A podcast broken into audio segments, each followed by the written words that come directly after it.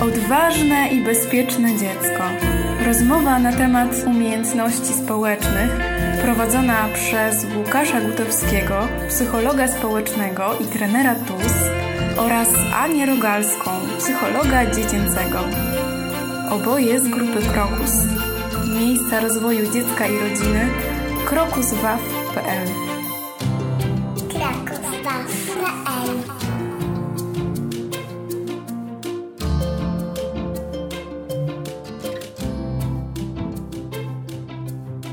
Dzień dobry, witamy Państwa. Dzień dobry. O czym ten podcast? To jest wsparcie dla Was, drodzy rodzice, w nauce umiejętności społecznych Waszych dzieci. I tylko pokrótce przypomnijmy to, co już mówiliśmy w poprzednich podcastach, że przekażemy Wam, jak stosować, y, kiedy stosować i jak ćwiczyć umiejętności społeczne. Na dziś mamy umiejętność prowadzenia rozmowy. Będziemy mówić o tym, kiedy jest nam potrzebna ta umiejętność i co nam ona daje. A, to ciekawe w ogóle, jest ciekawe jak nam wyjdzie, bo w sumie Tak, sobie też teraz rozmawiamy, czyli zobaczymy, czy nam to, czy No nam wyjdzie to na żywo. Umiejętność prowadzenia rozmowy mocno łączy się z umiejętnością y, słuchania, którą już y, nagrywaliśmy wcześniej. Te dwie umiejętności stanowią jedną całość, czyli żeby dobrze prowadzić rozmowę, trzeba też umieć słuchać. Też bardzo ważne w prowadzeniu rozmowy jest tak zwana naprzemienność i wzajemność. Czyli najpierw jedna osoba mówi, e, potem pyta drugą osobę, co o tym myśli i słucha jej. Tak jak Łukasz mówiłeś o tej umiejętności słuchanie. Czy się przydaje w ogóle ta umiejętność y, prowadzenia rozmowy? Ja myślę, że y, bardzo wielu elementach można stwierdzić, że ona się przydaje, bo osoby, które potrafią prowadzić rozmowę, to też jak w poprzednich y, podcastach mówiliśmy, że to się powtarza w sumie, tak? Że jeżeli umiemy dobrze te różne umiejętności społeczne wcielić w swoje życie i je zastosować, to wtedy jesteśmy widziani jako bardziej osoby kontaktowe, milsze. Jesteśmy wtedy, nie wiem, bardziej popularni, bardziej lubiani, tak? Wśród osób, y, z którymi się spotykamy. No tak, dokładnie tak. Ja sobie myślę o tym w taki sposób, y, znaczy wyobrażam sobie grupę dzieci rozmawiających ze sobą, tam gdzie jest gwar, śmiech, gdzie jest dobra atmosfera, że każdy sobie daje przestrzeń do mówienia i do słuchania siebie nawzajem. I, I że mimo, to, mimo tego, że tam nie ma porządku, porządkowania, ale w takiej spontaniczności y, mogą powstać wspaniałe pomysły, pojawić się jakieś kreatywne działania i że każdy może się tam czuć tak, jak się czuje, czyli być sobą takim, jakim jest. Czyli To ja tu bym jeszcze dodał. Mhm. Mhm. Wiesz co, bo ja tu bym jeszcze dodał to, to, to, co powiedziałaś, że to mi się w ogóle kojarzy z burzą mózgów, tak? Że y, dzieci to naturalnie to mają, tak? Każdy pomysł jest dobry, nie ma takiego hamulca, nie dobrze, to ja nie powiem, bo mój pomysł będzie kiepski, tylko właśnie, nie wiem, tak dziecko takie małe, ono zawsze powie ten swój pomysł.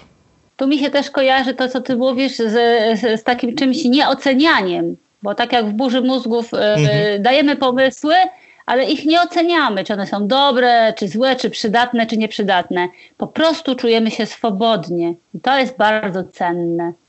Tu jeszcze jest też tak, że mm, osoby, które potrafią prowadzić rozmowę, łatwiej nawiązują kontakty i rzadziej popadają w kłopoty, bo więcej słuchają, a nie jest tak, że narzucają swój punkt widzenia, który czasami może być sprzeczny, tak, z, nie wiem, z wizją drugiej osoby, no i tu mamy wtedy gotowe miejsce do konfliktu. Czyli jeżeli tak y, wysłuchamy, przemyślimy, i odpowiemy w sposób przemyślany, to raz, że będziemy widziani lepiej, będziemy widziani jako osoby przyjaźniejsze, bardziej będziemy szanowani, ale też y, dla nas to będzie bezpieczniejsze, bo wtedy w mniejszy sposób narazimy się na przykład na atak z drugiej strony.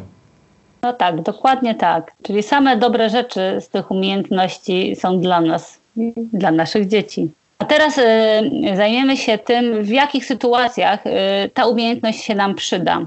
I znowu tu mamy trzy obszary. Ja powiem o pierwszym, o szkole. Może być to taka sytuacja, gdzie uczeń chce porozmawiać z nauczycielem na temat y, sprawdzianu, materiału, jaki ten sprawdzian będzie y, zawierał. I ta umiejętność tutaj bardzo się przyda. Drugim obszarem, w którym można wykorzystywać umiejętność prowadzenia rozmowy, jest dom. Nie wiem, no mi do głowy przychodzi jedna z wielu sytuacji, która się może zdarzyć. To, że dziecko rozmawia z bratem lub siostrą na temat tego, co się wydarzyło w szkole, może na placu zabaw, może gdzieś u znajomych. Czyli też tutaj można spokojnie w takiej formie, w rozmowach z rodzeństwem, wykorzystać taką umiejętność. Następnym obszarem jest obszar świata rówieśników. I tutaj jest no, dużo możliwości do wykorzystania tej umiejętności.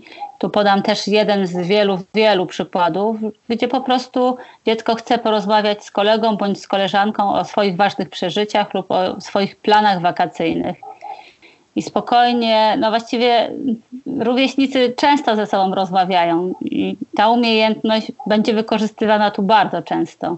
I to jest też tak, że umiejętność prowadzenia rozmowy zaczyna się zaraz po umiejętności rozpoczynania rozmowy, tak? Czyli tutaj zbierają nam się tak naprawdę w tej dzisiejszej umiejętności jeszcze dwie dodatkowe, tak? Czyli razem mamy tak naprawdę do wykorzystania trzy umiejętności. Czyli te dwie pierwsze, słuchanie i rozpoczynanie rozmowy, które y, nagrywaliśmy y, wcześniej, i dzisiejsza umiejętność, czyli prowadzenie rozmowy, to dokładnie spina. I co zrobić, żeby dobrze przeprowadzić rozmowę? Tym razem mamy pięć kroków, a są one następujące.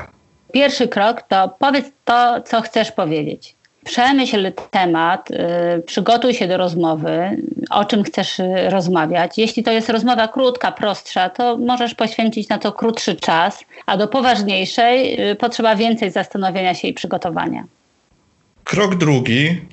Zapytaj drugą osobę, co myśli. I tu chodzi o to, żeby drugiej osobie dać przestrzeń do zrozumienia tego, co powiedziałem w pierwszym kroku, tak? Chodzi o to, żeby ta osoba miała szansę przyjąć to, co powiedziałem. Można ją zapytać, co myśli o tym, co powiedziałem, jakie ma zdanie na ten temat, tak? Czyli jeszcze raz powiem tak, żeby dać tej osobie przestrzeń do tego, żeby się wypowiedziała i odpowiedziała na to, co powiedziałem y, krok wcześniej. I krok trzeci, słuchaj, co ta osoba powie. I tutaj przypominamy sobie kroki do umiejętności słuchania, bo dokładnie w tym kroku y, y, słuchaj, co ta osoba powie, są te mhm. kroki zawarte. Najpierw patrz na tą osobę, która mówi do ciebie, myśl o tym, o czym ona mówi, poczekaj na swoją kolej mówienia, a następny krok to już jest następny krok tej umiejętności, o której teraz mówimy. Czyli? Powiedz to, co myślisz. Mimo, że ten krok się tak nazywa, tak? Powiedz to, co myślisz, ale też ważne, żeby powiedzieć to, co myślę w, danym temacie, tak? W temacie mm, rozmowy. I to jest kontynuacja umiejętności słuchania. Tutaj jest odpowiedzenie drugiej osobie na to, co ta osoba powiedziała, tak? Odniesienie się do kwestii, które ta osoba powiedziała. Czyli tu jeszcze w tym kroku możemy dodać nowe informacje, czyli dalej budować tą rozmowę. Możemy zadać dodatkowe pytania, tak, żeby czy spróbować wyjaśnić, bardziej głębiej y, zrozumieć kwestie, które mówiła druga osoba. I krok piąty, zrób uwagę końcową. E, coś w stylu podsumowania, zebrania najważniejszych myśli, jakichś ustaleń wynikających z tej rozmowy. Tutaj jest y, też ważne, myślę, powiedzenie, że y, ten krok może nastąpić po wielokrotnym jakby przerobieniu kroków od 1 do 4. Y, I dopiero mhm. może on nastąpić po jakimś czasie, bo on jest jakby uwieńczeniem tej rozmowy, zakończeniem. Czyli tak, pierwszym krokiem jest powiedz to, co chcesz powiedzieć, tylko na temat. Drugim krokiem zapytaj drugą osobę, co myśli. Tutaj dajemy jej przestrzeń do zrozumienia tego, co powiedzieliśmy. Trzecim krokiem jest krok słuchaj, co ta osoba powie. Próbujemy jak najlepiej odebrać to, co ta druga osoba mówi. Czwarty krok jest powiedz, co myślisz. Tutaj jest y, odpowiedź na kwestię tej drugiej osoby. I te cztery kroki możemy powtarzać ileś razy, ile nam potrzeba. I ostatnim krokiem w rozmowie jest y, zrób uwagę końcową. Czyli to jest coś w stylu podsumowania. Mamy już to wszystko zebrane. O tym, jak utrwalać i ćwiczyć umiejętności, mówiliśmy w poprzednich nagraniach. Ćwiczenie scenek, wymyślonych sytuacji lub też ćwiczenie w realnych sytuacjach, które nam się zdarzają w życiu. Ale teraz myślę, że ważne jest powiedzenie, że umiejętność prowadzenia rozmowy zaczyna się zaraz po umiejętności rozpoczynania rozmowy. Można je ćwiczyć razem, a mhm. jeżeli dojdziemy do wprawy, warto świadomie wykorzystać też umiejętność słuchania. Tu się zbierają te trzy umiejętności w jednym tak naprawdę. Mhm. Czyli to takie jest, no taki nie wiem, wielopak, tak? Takie trzy tak, w jednym. Tak. Yy, bo no, żeby prowadzić rozmowę, to musimy ją rozpocząć, yy, a żeby ją dobrze prowadzić, to musimy też słuchać i mówić. Warto wrócić yy, do nagrań z tymi umiejętnościami słuchanie i rozpoczynanie rozmowy. I ja też taką jedną rzecz bym chciał dopowiedzieć to właśnie też a propos słuchania, mm, mi się tak kojarzy, że warto nie bać się ciszy, milczenia w czasie rozmowy, bo to tak naprawdę pomaga w dobrej rozmowie, oszczędza nam paradoksalnie czas, że wydaje nam się, że jak milczymy, to ta rozmowa będzie trwała dłużej, ale y, wtedy mamy czas na przemyślenie, na ułożenie sobie różnych rzeczy. Dlatego warto też do rozmowy wprowadzać milczenie. Mhm. Mi się też tutaj skojarzyło, że tak jak y, częścią rozmowy jest słuchanie, to również częścią rozmowy mogą być chwile ciszy. To też jest dobre. No i myślę, że dziękujemy za to, że słuchacie naszych podcastów, że jest coraz więcej osób, które w różnych miejscach je polubiają, udostępniają. Wiemy, że ćwiczycie. Tak, dziękujemy za to. I do usłyszenia w kolejnym podcaście. Do usłyszenia.